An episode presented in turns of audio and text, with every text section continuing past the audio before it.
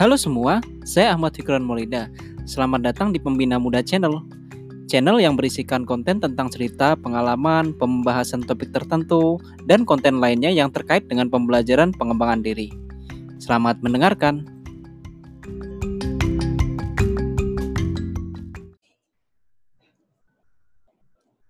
Yo, Halo, selamat malam. Yo. yo, yo, yo. Kali ini beda ya guys ya. Kali ini Yoi. sesuai permintaan giliran saya yang jadi korban ya. Karena eh, ini orang pernah saya ajak dan dia mau terus ketika kita sudah selesai bikin kontennya ada permintaan. Eh gue mau dong yang nanya-nanya lu ntar lu gue habisin lu di situ lu. Nah, itu jadi kurang lebih ya. Ya, oleh karena itu pembina Kapan muda, lagi ajak-ajak podcast lo? pembina muda sekarang punya Yesi Handoyono. Saya serahkan sementara. Monggo. Oke, selamat malam. Thank you Ahmad. Gue dikasih kesempatan lagi nih buat ngisi podcast. Tapi kali ini beda. Kali ini gue sebagai moderator.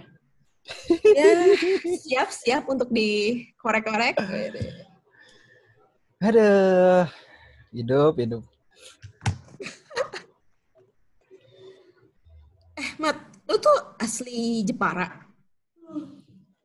Iya, betul sekali. Bokap, nyokap Jepara. Semuanya Wih. Jepara. Bahkan Nah, KTP gua aja itu Jepara loh.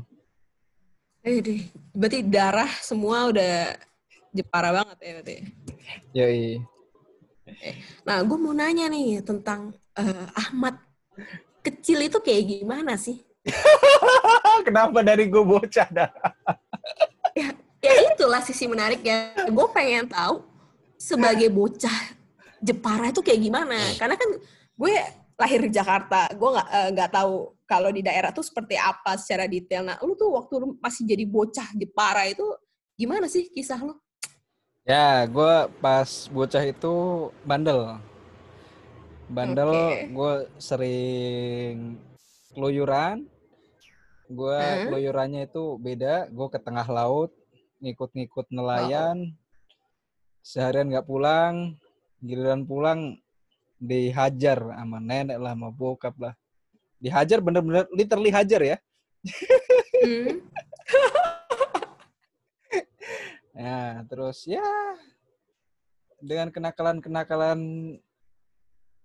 kadang juga adu ayam, kadang juga ke Oke. sungai seharian cari ikan. Ya seperti Oke. itulah. Berarti memang dari dari kecil tuh emang nggak bisa diam gitu ya? Dibilang nggak bisa diem, mungkin kalau siang doang kali ya. Jadi lu anak malam gitu. Ya kagak lah, kalau malam mah ini di rumah tidur lah. Oke, berarti lu bener-bener gue ngebayangin ya berarti parahnya deket pantai, ya, Iya betul betul betul. yang ya kan deket pantai lu main-main di laut dan lain-lain. Nah, waktu di lu sendiri itu anak-anak um- seumuran lu itu pada sekolah kah? Atau Ya. di sana juga banyak yang eh, atau pendidikan belum belum rata di sana atau bagaimana waktu zaman lu ya dulu? Iya, syukur udah ada sih. Cuman mungkin kualitasnya yang masih dulu dulu mungkin masih perlu ditingkatkan lah. Nggak semaju sekarang sih. Sekarang udah cukup bagus. lah. Pendidikan ada, Widih. ada aja gitu. Oke. Nah, kalau lu sendiri ya, gue pengen nanya nih, kalau di Jepara itu rata-rata mereka tuh pendidikannya sampai tingkat mana ya? Rata-rata eh, mereka. Kebetulan saya bukan Dukcapil Jepara dan juga bukan pejabat pemerintahan Jepara. Saya tidak tahu nih Bu jumlah Eh. pastinya nih Bu. Eh, gak usah jual pasti. Saya lu bayangin sama teman-teman lu bocah dulu ya. Nah, rata-rata tuh pada ya sampai SMP doang kah? Atau sampai SMA? Atau sampai Mungkin rata-rata sampai SMA ya. Emang masih sekarang pun mungkin masih rata-rata SMA. Karena SMA eh, dan... hmm, emang dalam tanda kutip eh, paling cuman 20 sampai 30 persennya aja sih yang lanjut gitu. Itu based on eh, ini ya eh, teman-teman gua sendiri gitu. Oke. Dan eh, apakah mereka rata-rata ya di Jepara lagi? Nope. Dan kalau di Jepara lagi mereka eh, kerjanya sebagai apa? Kalau nggak di Jepara lagi rata-rata tuh mereka sebagai apa sih? Rata-rata teman-teman sumuran lu aja.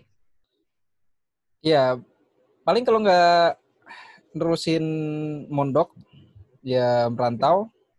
Standar lah kayak anak-anak kampung pada umumnya. Termasuk gue pun termasuk golongan rantau juga kan berarti kan. Nah nggak jauh-jauh sih. Itu Mhm. Perantaunya itu gimana tuh? Kerja. ya kerja kerja. Kerja. Kalau kerja mayoritas bekerja seperti menjadi? Beraneka ragam cuy ada yang bikin bisnis sendiri ada yang Hmm. ngikut sama orang ada yang tapi ada gitulah ada yang tapi ada di luar juga yang negeri eh, kembali wih mantap Jepara. Tapi ada juga yang kembali nelayan gitu ada nggak sih? gimana gimana Ada ada yang eh, masih tetap di Jepara lalu jadi nelayan atau ada ada juga masih ada ada, juga. ya. Tadi gue dengar-dengar kata mondok mondok. Lu anak anak pesantren? Ya, saya termasuk anak pesantren gagal. Jadi Oke. ya beginilah akhirnya mendarat di kota. Nggak nerusin mondoknya. Jadi mondoknya cuman label doang. Ilmunya kagak ada. Berapa tahun cuy mondok? Berapa tahun? Ini sih dari ya jadi kayak gue dulu kan ini Yon, apa namanya sekolah itu madrasah sanawiyah sama madrasah aliyah. Di mana sekolah itu Oke. ya kayak ada pondok pesantrennya lah. Jadi ya seiring Oke. itu, cuman keuntungan gue nggak tahu ya ini keuntungan tuh gimana ya. Jauh jarak rumah sama pondoknya itu deket. Jadi kadang gue mondok pun serasa di rumah sih sebenarnya sih. Gitu. Eh, kurang lebih mondok berapa tahun? Tiga, enam atau Ya, kalau dihitung efektifnya paling cuman pas MTS, berarti dua, dua lah, dua, dua, dua sampai tiga lah. Cuman ini sekali, Hmm. sekali lagi ya, gue santri yang gagal gitu. taruh Untuk-. Santri gagal berarti ada santri berhasil dong ya? Yoi. Ada santri kan? Nah, Betul emang sekali. kategori ga- gagal tuh kayak gimana sih? Bejat kelakuannya.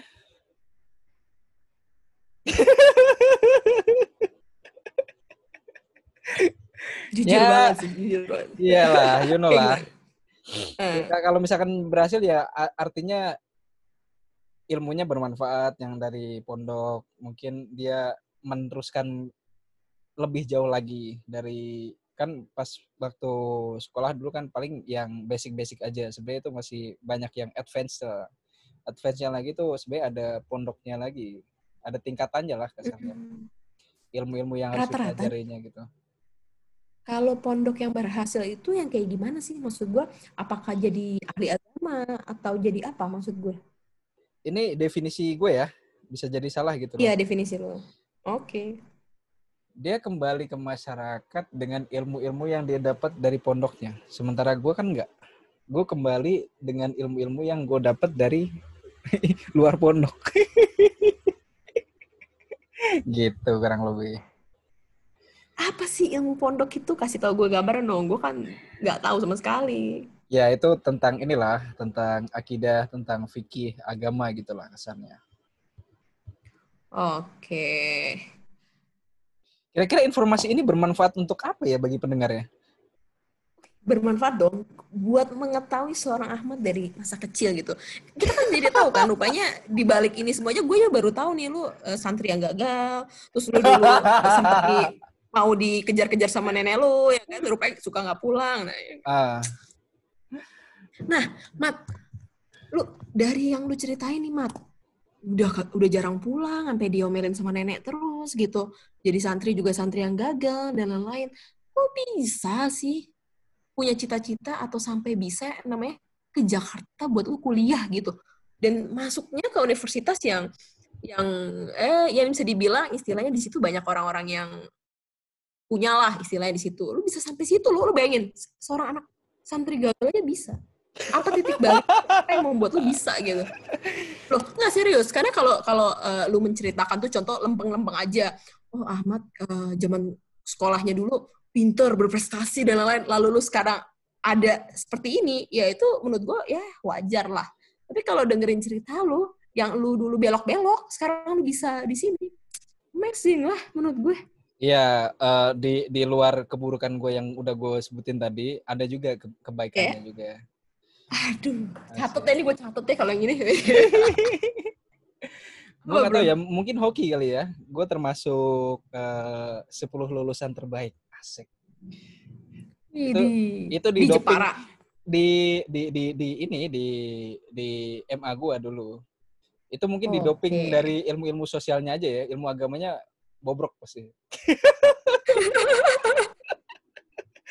Karena kan lulusan terbaik BSN UN kan. Oke oke oke. Nah awalnya tuh uh, terus terus. Gue kan punya temen ya. Uh, waktu itu hmm. gue masih inget banget kita bertiga kayak bonek lah istilahnya lah. Lu tau bonek gak? Bonek itu kayak istilahnya kita pergi ke sesuatu tempat tanpa hmm. bawa uang, uh, tam, cuman bawa sedikit uang atau bahkan tanpa bawa uang sama sekali. Nah waktu okay. itu gue bertiga ke Semarang tuh keliling-keliling. Bahkan kita udah rencanain ntar kita kuliah bareng ya. Udah kuliah bareng, ngekos bareng. Serius sih. Terus uh, singkat cerita, kayak gue ngerasa masa iya mainan gue cuma di sini-sini doang gitu loh. Maksudnya kan eh, Semarang kan Semarang atau Kudus tuh kan gak, jauh-jauh amat dari gue cuman satu satu satu atau satu setengah jam lah makanya gue kayak pengen hal yang lebih greget aja makanya waktu itu gue coba daftar di eh, kampus-kampus yang ada di Jakarta nah uh, singkat cerita tiga orang ini ya itu sama sekali nggak ada yang barengan akhirnya satu ke luar negeri satu uh, di Semarang tetap ya sementara gue ke Jakarta gitu Nah, di Jakarta gue banyak ditolak cuy, universitas nggak segampang yang ada di benak netizen. Wih, menarik, menarik. Lu ngapain nulis? Tapi lu nulis apa? Nah, tapi lu termasuk berani sih maksud gue. Orang kan kadang-kadang uh, bermimpi itu setengah-setengah gitu atau nggak berani tinggi-tinggi gitu. Nah, lu dari Jepara kan biasanya orang lebih milih ah Jepara gue ke Semarang aja lah, Semarang atau Solo buat atau atau Jawa lah buat gue kuliah gitu. Tapi kok lu bisa berani gitu? Oke, okay, Jakarta. Yeah. gue salut sih sama lu dan teman-teman lu tuh mimpinya oke okay lah, mantap. Ya, karena ini apa namanya? Waktu dulu belum punya otak masalahnya.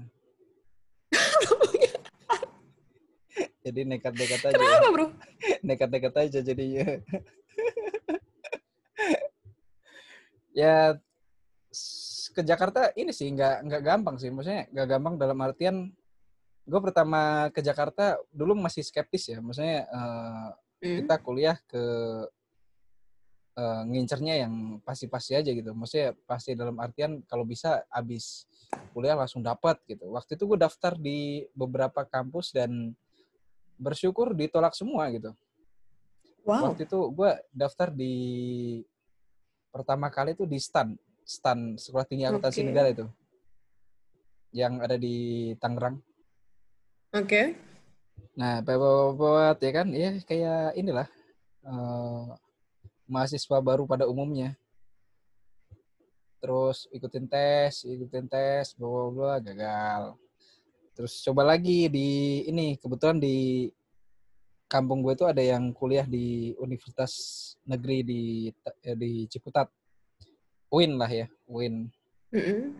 gue coba ikutin kayak bimbelnya karena waktu itu apa namanya SB SS apa sih SNB SBMPTN nah ya kan? SBMPTN tuh udah lewat. Jadi gue coba ikut jalur mandiri. Udah ikut lesnya tuh. Oke. Okay. Hmm. apa tes tes. Waktu itu gue inget banget tuh gue daftar jurusan sistem informasi sama manajemen. Yang uh, gue nggak tahu gue lupa dapat infonya dari mana. Kuotanya itu cuma tinggal kebuka tujuh orang. Sementara yang daftar masih ribuan. Gila ya wajar lah ketolak. Oke terus yeah.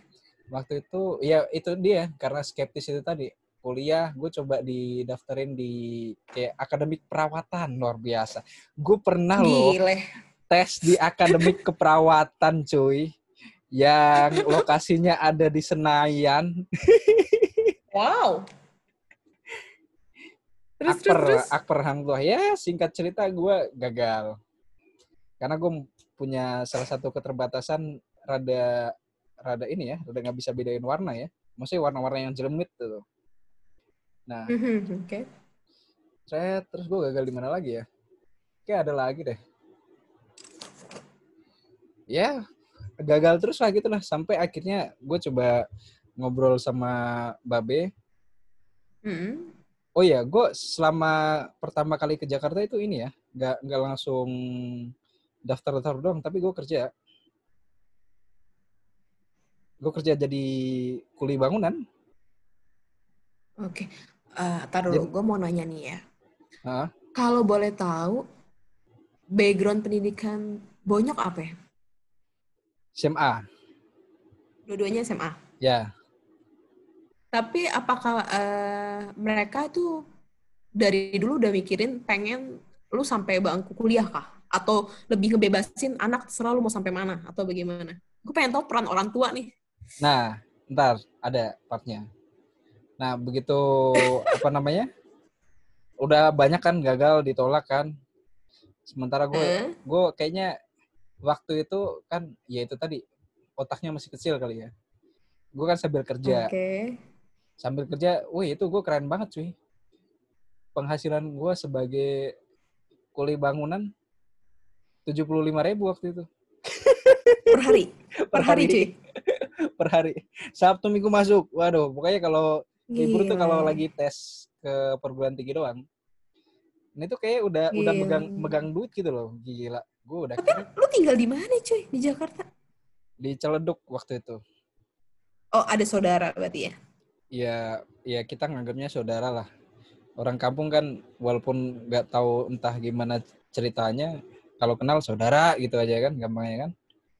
Ya ngekos lah, ngekos gitu.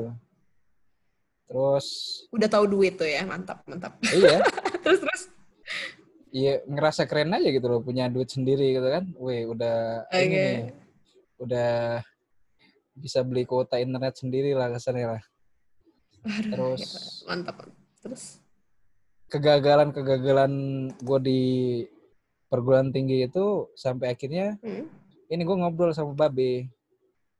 Oke, okay. udah mulai orang tua nih, mantap. Iya. Terus sama Babe uh, ya istilahnya inilah gue gue pengen inilah pengen minta arahan lah nggak biasa biasanya tuh karena prinsipnya orang tua gue itu pada dasarnya gue bebas ngapain aja termasuk gue di Jepara pun sering banget yang namanya itu nonton konser reggae waktu itu konser reggae bonek okay. di jalanan tidur di jalanan bener-bener kayak anak reggae aja biasa itu dibebasin asalkan lu udah sholat nah itu prinsip yang nggak bisa ditawar tuh Nah, terus uh, ngobrol, ngobrol, ngobrol, ngobrol. Gue pengen kursus dulu lah, pengen break dulu, pengen nabung dulu lah biar bisa membiayai kuliah sendiri. Asik. Mulia banget kan tujuannya kan, padahal nggak nggak ada otak tuh tujuh puluh lima ribu gimana caranya?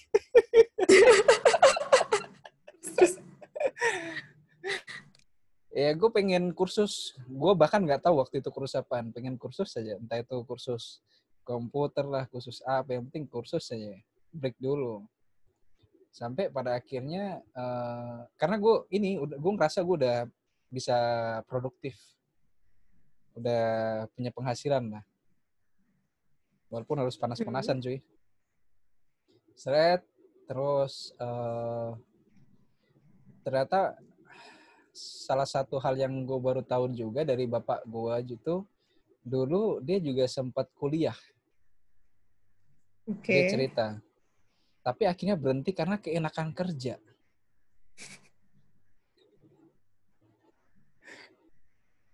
sama case yang merantau juga, merantau kuliah, kerja, kenakan kerja, akhirnya kerja doang.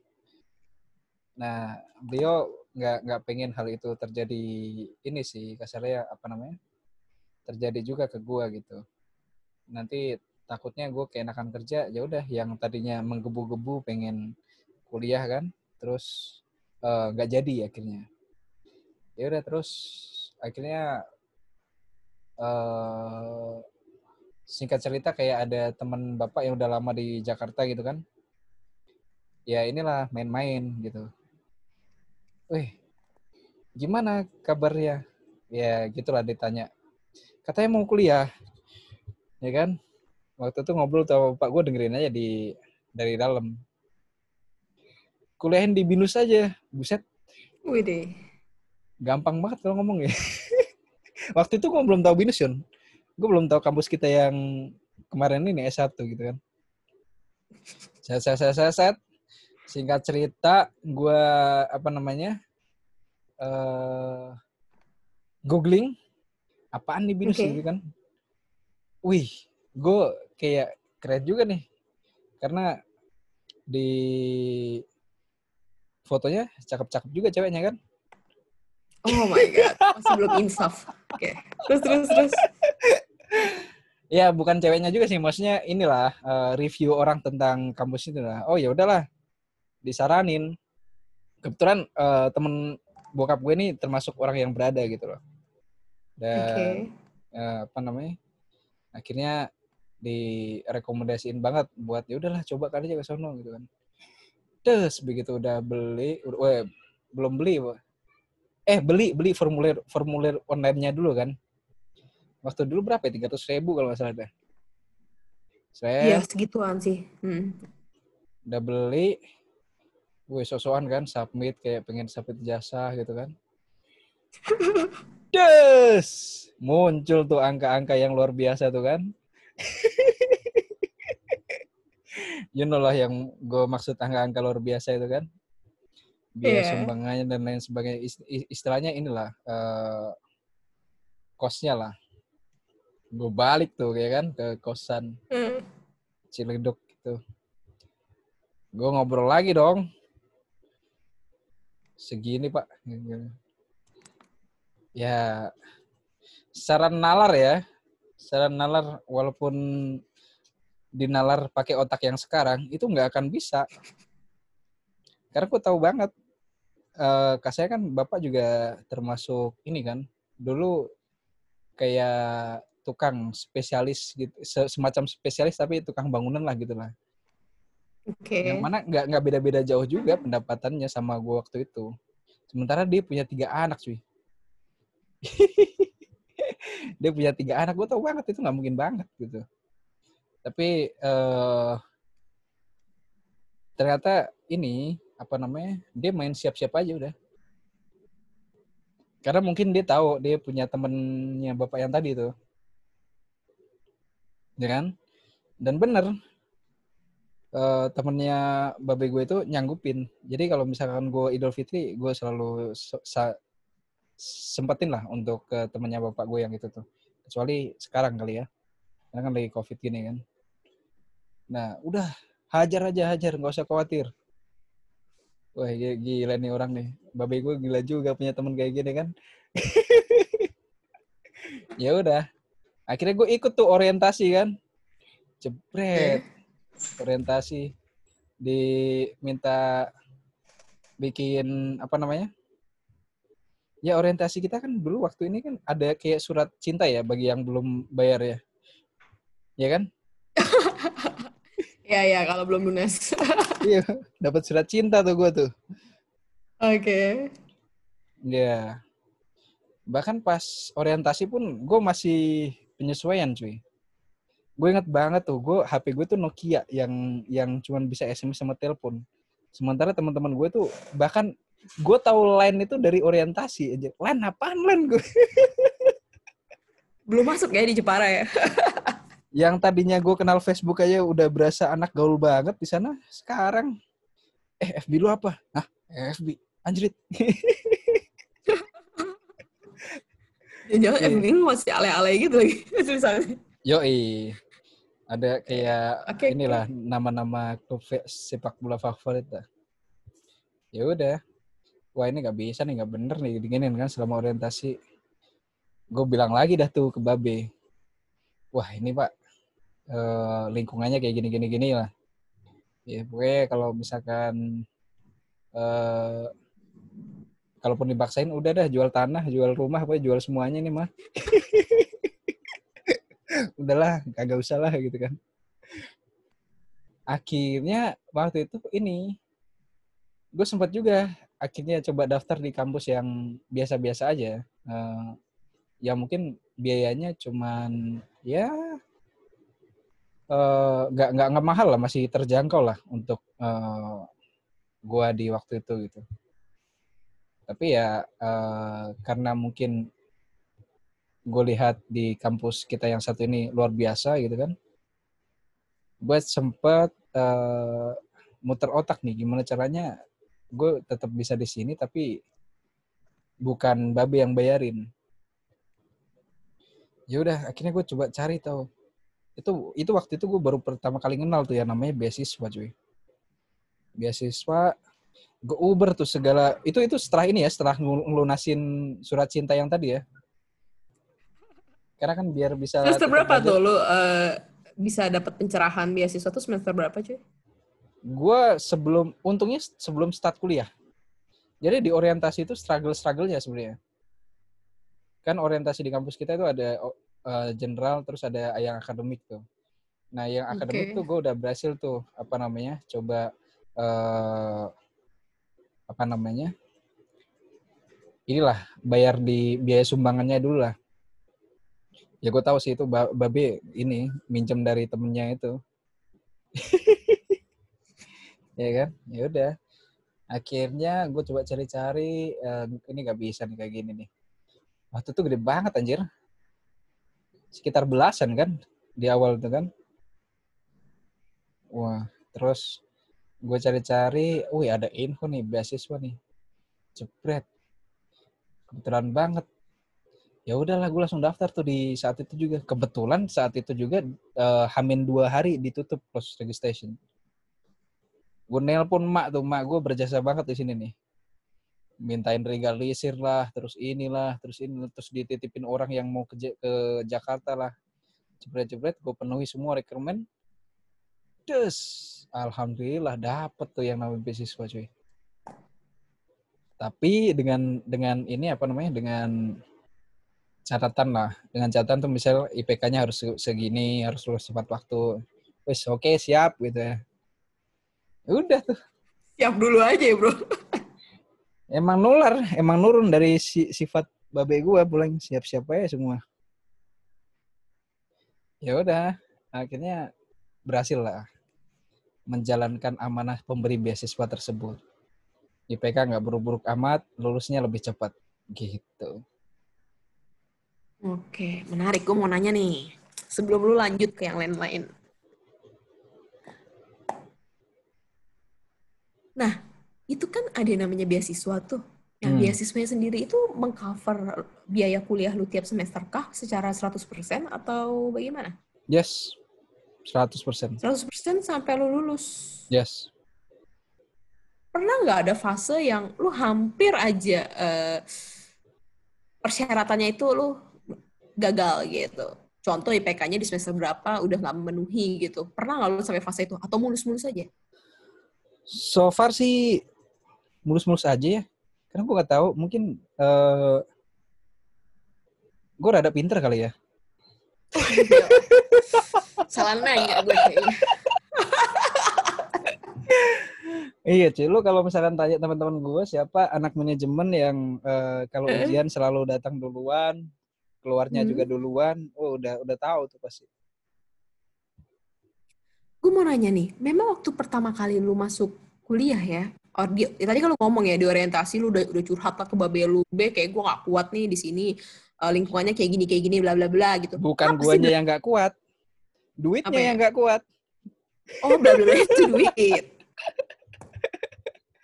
Iya dong, lu gila. Tapi kalau enggak, tapi gini gue pengen tahu, lu kan di Jepara yang tiba-tiba lu ke Jakarta gitu. Lu awalnya ada Ya. sempet, sempet eh, shock dengan lingkungan nggak sih maksud gue apalagi kampusnya ya orang beradanya banyak lah istilahnya gitu. Ya, shock bentaran lah. Maksudnya eh, sempat minder juga. Maksudnya eh, gua gitu kan yang sebagai ya siapalah gue lah di yang bahkan di awal-awal masih HP gue gue masih struggle banget tuh di komunikasi tuh di awal-awal tuh karena ya kan lo tau kan kalau misalkan kuliah itu pasti ada grup kelasnya gitu kan grup kelasnya pada di line gitu. Sementara gue Nokia masih tapi aku cinta Nokia. Eh tapi lo akhirnya gimana tuh? Kan Nokia nggak bisa line kan? Lo akhirnya gimana? Iya babe gue support. Oh my god kayak babe lo sampai ada ini juga sih. apa namanya justru eh malah gue pernah nih libatin babe gue di project CB waktu itu. Gila anak-anak babenya dilibatin. Kenapa kenapa kenapa? Ya kan itu bangun-bangun kan bangun-bangun kan dia expert kan. Ya udahlah. Oke.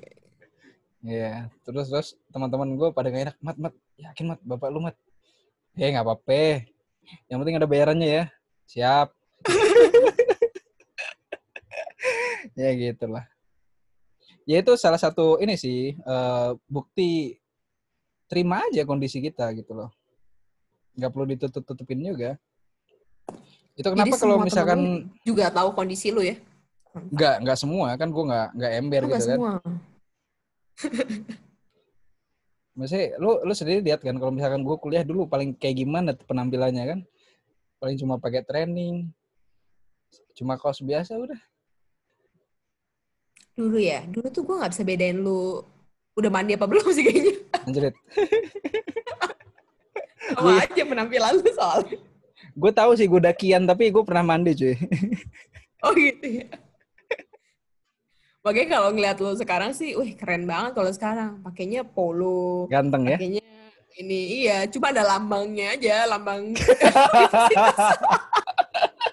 Beda warna doang cuy. Oke.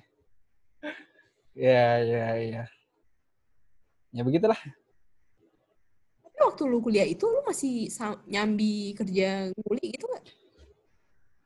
Gua sempet part time di di kampus yang internasionalnya yang di JWC.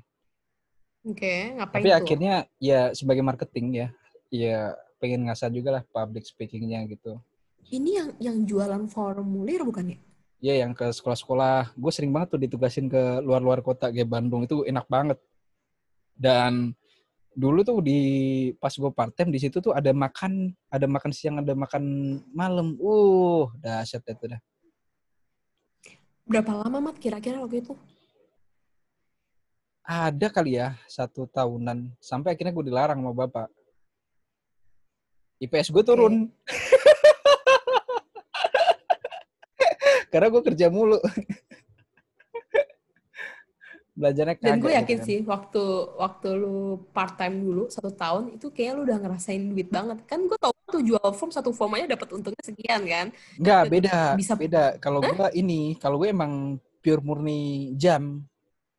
Karena gue nggak Oh, jual gitu. jam. Karena gue promote. Oh lu promosi Hmm. itu. Tapi PS lu turun gitu. Aduh. Iya. Tapi bokap bisa tahu apakah laporan nilai nyampe ke Jepara apa lu yang terbuka? Iya, dulu tuh di dikirim loh sampai ke rumah loh. Iya, gue juga tuh bener-bener sampai ke Iya kan? Bahkan ke pelosok. Gila itu. Iya, bener bener bener. bener. Iya kan? Kalau udah selesai ujian tuh ya itu udah paling Langsung ada tuh. Aduh. cinta sampai ke rumah gitu ya. Ah, udahlah babak belur babak belur nggak apa-apa dah daripada bohong dah. Toh bakal tahu-tahu itu juga kelihatan deh. semua sih dari da- dari nilai sampai absen lu. kehadiran. iya. Kehadiran kelihatan. Gue kan termasuk orang yang ini ya yang nggak begitu hadir 100% terus. Tapi akhirnya kok lu eh, dibilang bokap maksudnya untuk berhenti aja lah eh, nilai lu turun gitu, lu mau eh, nerima aja gitu. Istilahnya kan lu udah tahu duit gitu loh. Sedangkan dulu lu cerita kan, dulu waktu lu udah tahu duit tuh ya jadi males ngapa-ngapain kan gak bisa kalau orang udah Iya. udah tahu duit lah. Gue coba ini aja sih menghargai effortnya aja. Karena kalau misalkan dia kerja, gue kerja, walaupun sebenarnya itu akan membantu ya, tapi seolah-olah uh, dia sudah nyaranin seperti itu, gue masih ngotot, kayak gue nggak menghargai jeripayahnya dia dong. Itu mindset, uh, pikiran gue dulu. Terus uh, di tengah itu ya jangan sampai beasiswa saya diputus dong. Iya sampai kan ada waktu itu kan uh, waktu oh iya, iya ada satu banget yang masih keinget tuh waktu pelajaran uh, sebelum skripsi itu ada satu pelajaran wajib yang kita harus lulus tuh yang mana kalau misalnya kita nggak lulus itu udah pasti extends karena kebetulan tuh dapatnya di semester 7 waktu itu gue tuh enak banget anak-anak yang sekarang dapat pelajaran itu di semester awal ya kalau misalnya kita nggak lulus itu itu nggak nggak bakal bisa ikut ambil skripsi lah di semester depannya di semester 8-nya lah. Eh di semester 7-nya lah. Eh sorry sorry di semester 6 waktu itu ya.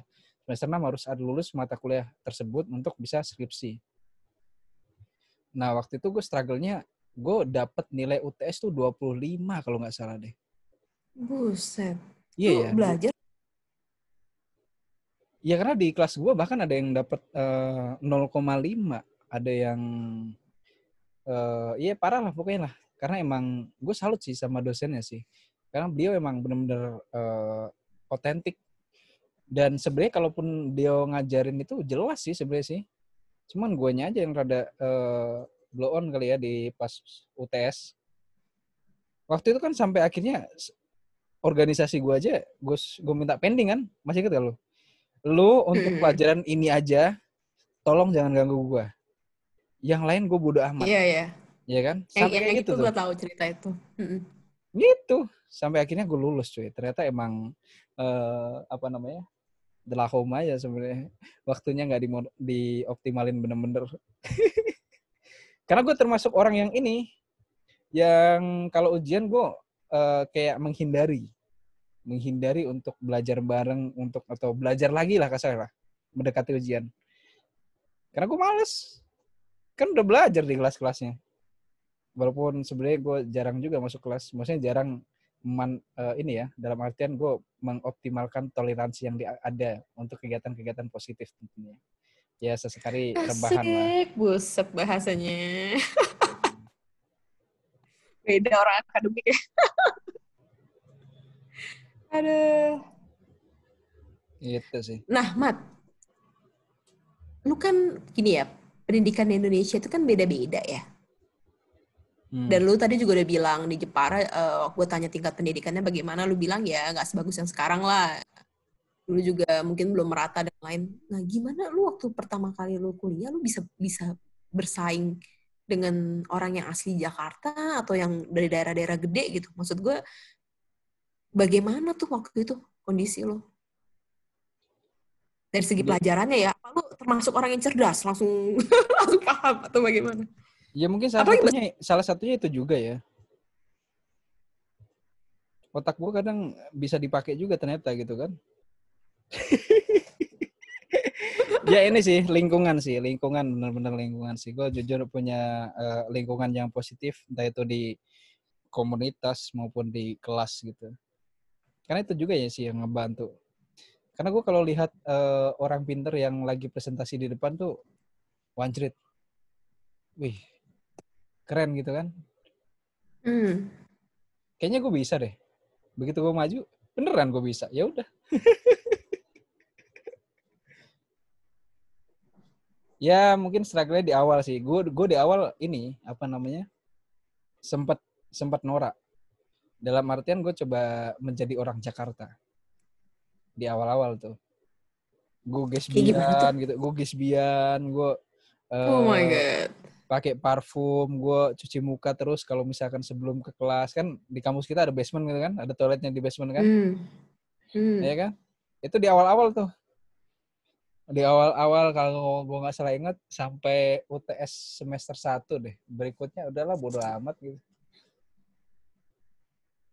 Kayaknya gue sempat fase-fase lu harum terus muka basah gitu itu deh. Pas pas udah bareng sama lu kayak udah kucel kucel berarti emang gue tahu lu pas udah apa adanya berarti ya. Ya ya begitulah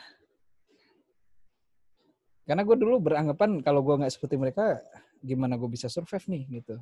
Taunya enggak cuy.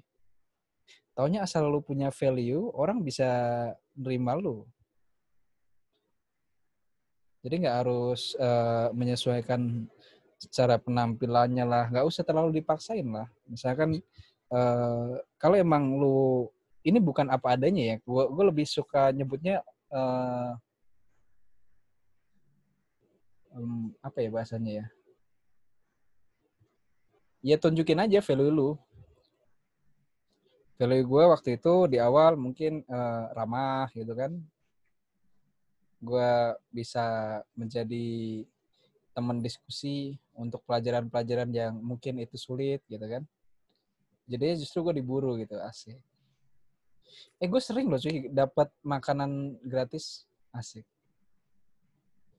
Ya walaupun karena karena? ini gue nggak gue gue nggak minta ya, maksudnya uh, hmm. mat, mat di awal-awal gitu mat uh, ini dong yuk ngobrol yuk. Eh bukan ngobrol ya maksudnya bahas tugas yuk bahas tugas gitu kan. Gue sempet juga kayak diundang ke teman gue bantuin uh, dia yang mungkin lagi struggle di mata kuliah tertentu untuk bantu ngajarin. Diundang ke rumahnya beneran diundang ke rumahnya. Begitu sampai rumahnya kasih makan uh enak banget tuh. Makanan orang kota dong ya begitulah berlanjut deh sampai akhir sampai akhir tiga setengah tahun tuh Oke, berarti waktu zaman lu kuliah ya, lu nggak cuma kupu-kupu gitu ya, lu kayaknya aktif banget kan dulu ya, berkegiatan yeah. terus lain gitu. Nah, yeah. lu karena, aja dulu karena kuliah. Itu salah satu cara untuk hidup. Hmm? Cara untuk hidup? kenapa? Karena kenapa? Seneng kalau ada event, artinya ada makanan gratis. Oh, ada makanan gratis. Nah, tapi yang mau gue tanya nih ya, waktu lu kuliah, tapi lu sembari kayak kerja, IPK lu bisa turun cuy. IPS lu bisa turun. Tapi hmm. kenapa waktu lu kuliah, lu malah banyak berorganisasi dan berkegiatan, tapi nilai lu masih oke-oke aja? Nah, ini nih yang nggak paham nih. Ibu RT 12 nih. Kalau gue sempat ngobrol juga sama kayak Babe. Hmm. Uh, yang pada akhirnya uh, kesimpulannya gini dah, uh, lu kalau kuliah nggak aktif di organisasi atau nggak berkegiatan selama masa kuliah, lu sama aja kayak les. Nggak ada bedanya sama les, mending les aja, lebih murah. Skillnya lebih spesifik. Gitu. Itu sih. Dan uh, oh, si babe pernah cerita ya? Oke oke. Terus? Justru karena aktif itu yang bisa maintain ya maintain uh, apa namanya kehidupan kampusnya sih. Salah satu contoh simpelnya tadi makanan lah. Itu dapat paling jujurnya itu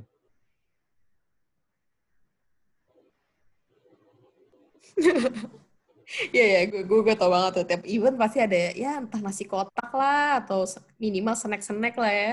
Yo, iya. Jatahnya orang eh, mantap juga. Karena banyak juga nih uh, teman-teman kita mungkin yang ya sama kayak lu ya dari daerah kuliah, tapi mereka bingung nih. Gue better kerja sambilan biar bisa bantu-bantu kuliah, bisa dapat duit jajan yang lain, atau gue malah harus berorganisasi kan berorganisasi tuh gue nggak nggak mendapatkan duit nih, nggak menghasilkan duit nih, sehingga hmm. orang banyak ya ini kali ini akhirnya orang banyak milih, udahlah gue kerja, akhirnya dia nggak organisasi sama sekali di zaman kuliah dan lain-lain. Nah kalau lu sendiri menanggapi orang tersebut ya terhadap pilih dihadapi dua pilihan itu bagaimana tanggapan? Gue respect respect aja sih sama orang-orang yang seperti itu Kenapa? Karena gue juga nggak tahu background keluarganya juga kan. Belum tentu orang tuanya se senekat bokap gue juga kan. Gitu. Jadi dua-duanya menurut gua ada poin positifnya masing-masing juga. Asal bisa balancing aja. Jangan sampai keteteran. Oke. Kan banyak juga orang yang aktif di organisasi sampai keteteran juga toh. Iya, betul. Hmm.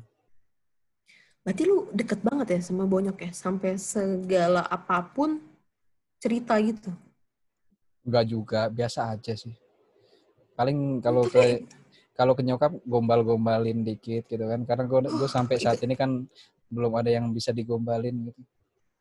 Wah, ini podcastnya lu sekalian promosi kayaknya, Bu.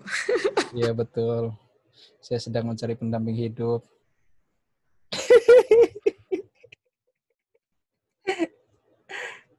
Gitu. Iya loh, karena gini loh, jarang orang yang masih terbuka banget ke orang tuanya, bercerita, minta pendapat, itu tuh udah jarang zaman sekarang gitu. Tapi gue ngelihat lu itu, lu masih bener-bener sama orang tua tuh respect banget. Gitu. Hmm. Dan sampai, ya itu, gue ngerasa bahwa ketika lu punya suatu keyakinan ngelakuin sesuatu, lu diperteguh lagi sama sama bonyok lu, ya nggak sih? Istilahnya tuh gak, gak, gak perlu deh punya orang tua yang sampai S1, S2, S3 dan lain-lain gitu tuh belum tentu bisa bisa memberikan apa ya saran atau apa. Gue salut sih sama bokap nyokap lu sih. Bahkan mungkin anak-anak eh, sosial kita ya pas zaman zaman kita kuliah dulu banyak yang orang tuanya punya latar belakang yang sangat-sangat pendidikannya tinggi tapi belum tentu bisa ngasih tahu anaknya mengarahkan anaknya Iya nggak sih? Apalagi lu kan di bidang akademik lu pasti udah biasa lah ketemu sama anak-anak. Bahkan Oke. orang tuanya juga kadang bertemu kan sama lu. Iya, berarti sekarang lu udah kayak ada ketertarikan untuk jadi menantu banyak gue gitu ya.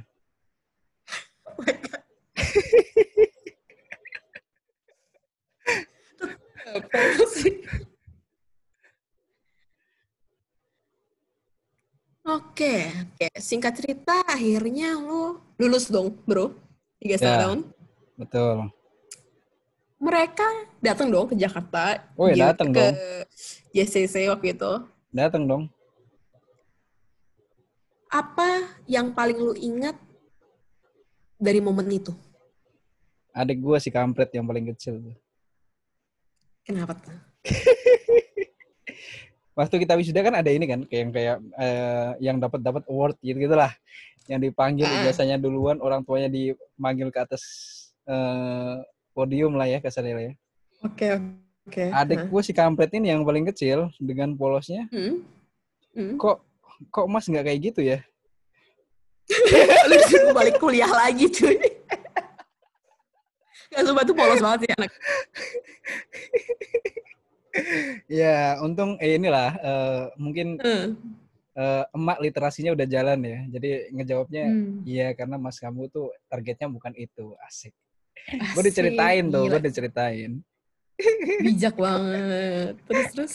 Kampret nih bocil tinggal aja. ya itulah itu yang paling ini, yang paling membekas anjir. Gue antara seneng dan sedih denger itu anjir. Rupanya eh, omongan anak kecil itu lebih menyentuh ya. Bayangkan lo kan menjawab eh, bokap nyokap lu mungkin eh, menyelamati lu yang akhirnya lu terharu atau apa gitu. Itu yang awal gue bayangin bro. Tapi rupanya Iya. Gila pikiran polos adek lu rupanya paling berkesan. Boleh, boleh, boleh. Aduh. Ya itulah. Namanya juga bocil. Udah tuh. Lulus kan? Hmm. Kemudian abis itu apakah sudah selesai? Maksud gue itu kan momen lu akhirnya mau menuju dunia kerja dong. Yang Hmm. di mana orang tua udah nggak nggak support lagi dong. Atau orang tua masih tetap support atau bagaimana? Gue yang nolak di support sih. Oke. Itu lu udah dapet kerja atau atau belum waktu itu? Udah, udah, Waktu itu lu hmm, udah. Gue sebelum wisuda pun udah sih sebenarnya. sebelum sudah udah ya. Oke. Dan belum sukses-sukses amat, jadi lu nggak usah ngulik di situ.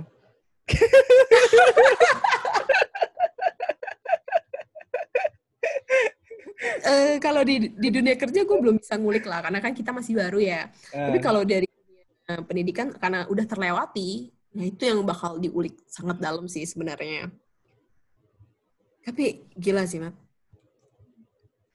Seorang anak dari Jepara, kalau nggak nekat, kalau otaknya kebanyakan mikir doang, mah nggak bakal jadi seorang sama yang kayak gini sekarang. Ya nggak? Dari tadi tuh lu selalu ngomong, karena gue dulu nggak punya otak, punya otak lu selalu ngomong kayak gitu. Nggak, nggak, gue jadi bayangin gini, kalau lu punya otak mungkin lu sekarang jadi kerja di Jepara kali ya. Main-main di pantai atau dan lain-lain kali ya. Maksud Ya, gue paling- gila loh. paling TKI. Makanya lu, lu termasuk menurut gue gile. Atau memang kita ini, buat anak-anak yang mungkin seumuran lu di zaman dulu itu ya, ap- apakah punya niat apa punya kenekatan tuh penting menurut lo nekat itu Hmm. Nekat sesekali boleh, tapi pakai otak gitu. tadi katanya kagak punya otak Itu kan listen learn ya kan dari yang tadi kan. Eh, Kan belum tentu juga patternnya atau resilience-nya juga sepanjang itu. Terus yang lu Gitu. sampai ngomong iya gue jadi jadi apa di mondok aja gue gagal dan lain-lain gitu ya Bukan sih, gue bukan bukan mondok terus gagal secara harfiah gitu. Tapi gue menganggap gue itu Iya. gagal. Iya, Eh, tapi terus? istilahnya lu masih tet- tetap bisa gitu untuk menjadi lebih gitu. Menurut gue kan kadang ada orang ya kalau yang kayak udah merasa gagal, ah ya udahlah. Gue merasa gagal, lebih, merasa gagal tuh dalam artian ini siapa namanya? Bukan gagal untuk ditangisi, tapi gagal untuk ditertawakan aja. Nah itu dan jarang orang yang bisa seperti itu, Mat. Kebanyakan tuh orang tangisi, lu ditetaw, ditertawakan. Kayak itu menurut gue unik sih. Nah, gitu ya. Unik banget gitu. Tapi ya udah, ya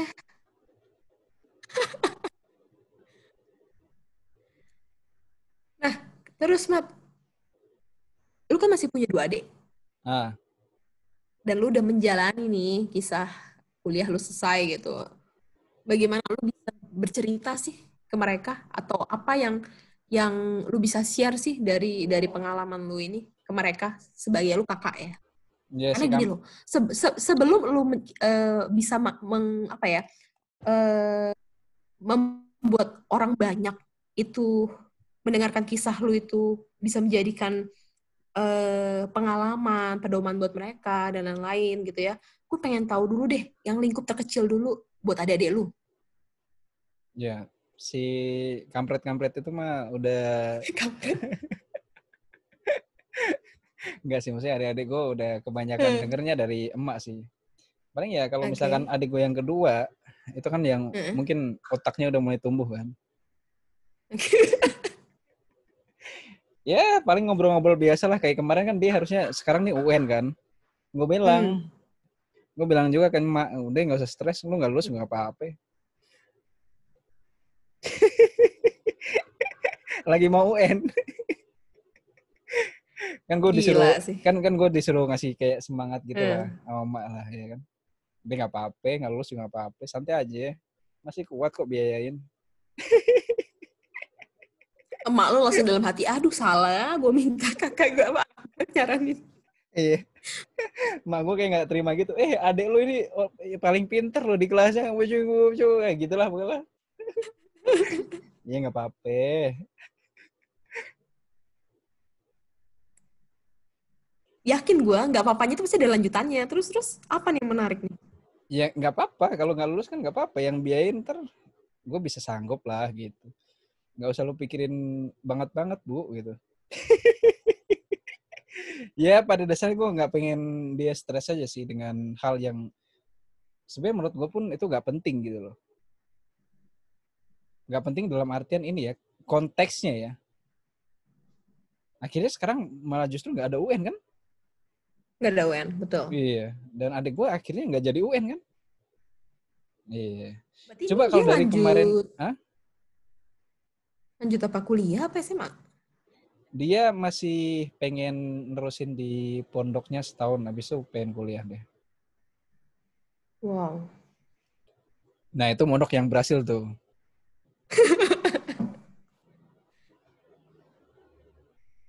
gitu. Susah kan jadi host kan, mikirin pertanyaan kan? Enggak, gue bukan eh, bingung pertanyaan. Tapi gue tuh lagi ngebayangin adek lu beneran. Nah, Kayaknya beda banget gitu sama lu, cuy. ya beda Iya lah. gak sih? Ada gue pinter-pinter ya. Kayaknya lu tuh, enggak, enggak, kayaknya lu tuh agak lebih mirip ke adek lu yang, yang terakhir. Kebalik yang terakhir kayak keles. lebih... Masa adek yang, lu yang masa yang mirip- tua lebih mirip sama yang bocil? Salah-salah, adek lu yang terakhir kayak mirip kayak lu deh. Mulai dari yang nyeleneh-nyelenehnya, ya gak sih? Iya mungkin. Kalau kedua kayaknya masih masih lurus-lurus aja gitu. Bahkan kan lu bilang sendiri kan yang paling ada otaknya. Iya. Tapi pinter-pinter sih adek gue sih gue akuin sih. Mantap ya, berarti memang pendidikan tuh nomor satu.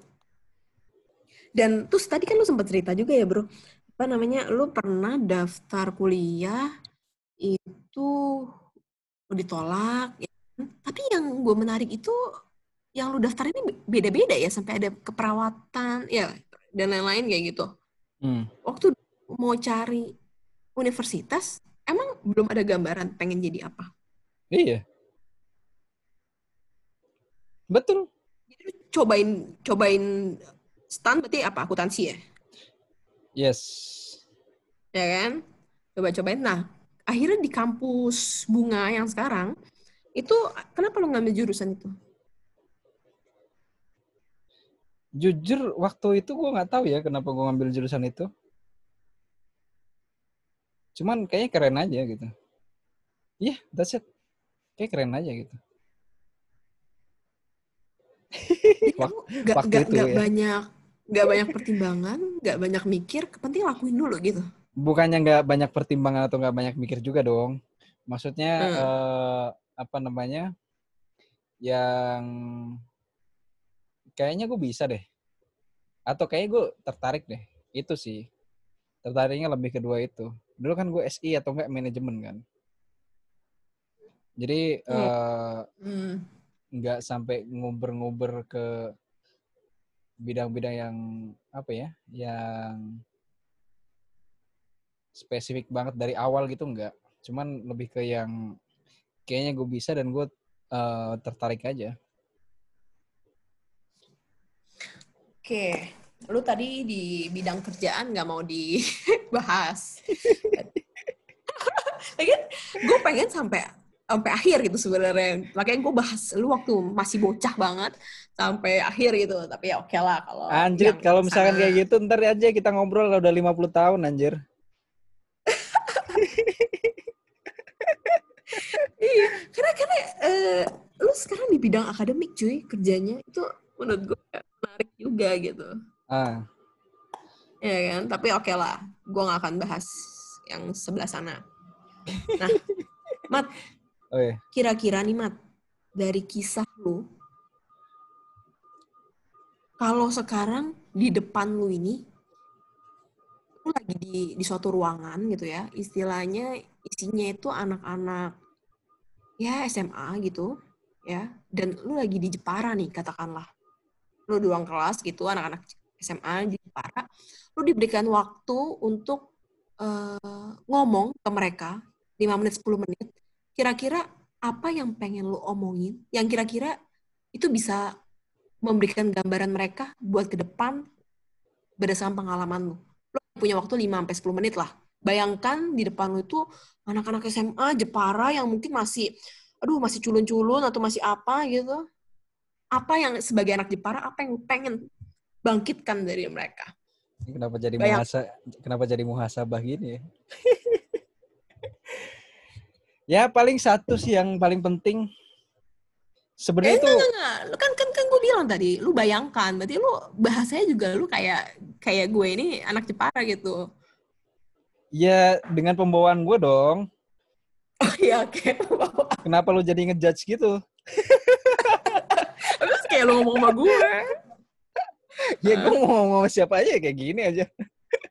Oke, oke. Terus, Iya, terus. iya. Ya, satu hal yang paling penting itu ini apa namanya kalau kita dari kampung ya, kita eh, mungkin pendidikan kamu kan eh, pendidikan karakternya sangat luar biasa ya, baik itu di sekolahannya pun atau di pesantrennya pun.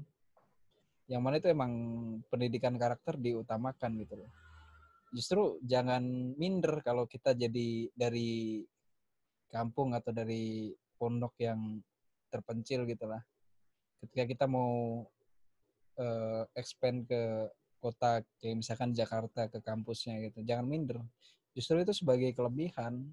Kenapa kelebihan? Karena lu tuh udah dididik secara karakternya. Dan sementara karakter ini salah satu hal yang bisa membuat lu struggle di kuliahan. Yang mana orang-orang yang tidak dari kampung atau yang eh, mungkin pengalaman berjuangnya masih minim itu nggak bisa dapetin. Gitu sih. Jadi harus pede pedenya lebih. Karena lu pendidikan karakternya udah sedikit lebih maju dari teman-teman lu yang bukan dari kampung atau dari pondok pesantren gitu sekian dari saya terima kasih Gila, pendidikan karakter. Gara-gara ngomong gitu tuh ya, gue jadi pengen mau menanyakan lagi tuh. Pendidikan karakter tuh kayak gimana sih, bro? lu kan juga udah dididik karakter building kan Nah, apa yang membedakan pendidikan karakter yang tadi lu ngomong yang di daerah tuh kita lebih dibanding dan harus pede karena kita punya pendidikan karakter. Itu tuh apa? ya tahu adab lah tahu sopan santun lah tahu Oh, menghargai oh. orang yang lebih tua Mhm. itu bisa Ya itu sih yang inilah apa namanya cerminkan sendiri lah dari mungkin kenalan-kenalan lu yang lain walaupun pada das- pada akhirnya kalau udah kenal pecicilan juga sih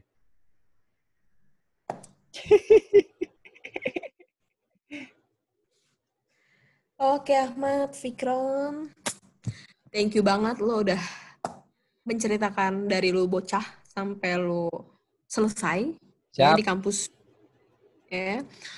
Gue berharap eh, apa yang lu sharingin malam ini ya, ini kalau orang-orang dengar, utamanya orang-orang yang mungkin dia dari daerah, itu punya semangat untuk dia aja bisa, berarti gue bisa. Eh, punya semangat untuk nekat, punya semangat untuk jangan takut gak punya otak, punya semangat untuk eh, gigih bahwa kita harus bisa lebih melakukan sesuatu dan eh, libatkanlah orang tua selama kita masih diberikan masih punya orang tua. Dan yang menarik juga yang tadi gue pelajarin dari bokap lu adalah lu bebas lah mau ngelakuin apa pun. Yang penting lu jangan lupa sholat. Betul. Hal-hal yang kayak gitu. Betul, semoga betul. podcast ini gue gue sangat sangat sangat berharap nih podcast yang yang yang episode ini bisa didengar banyak orang bahkan sampai full sih. Karena gue sendiri pun sebagai orang yang kenal Ahmad Fikron ya baru kali ini sebenarnya gue tahu masa kecilnya dia sih sebenarnya dan sumpah. Oke. Oke. Thank you ibu moderator. Oke sama-sama.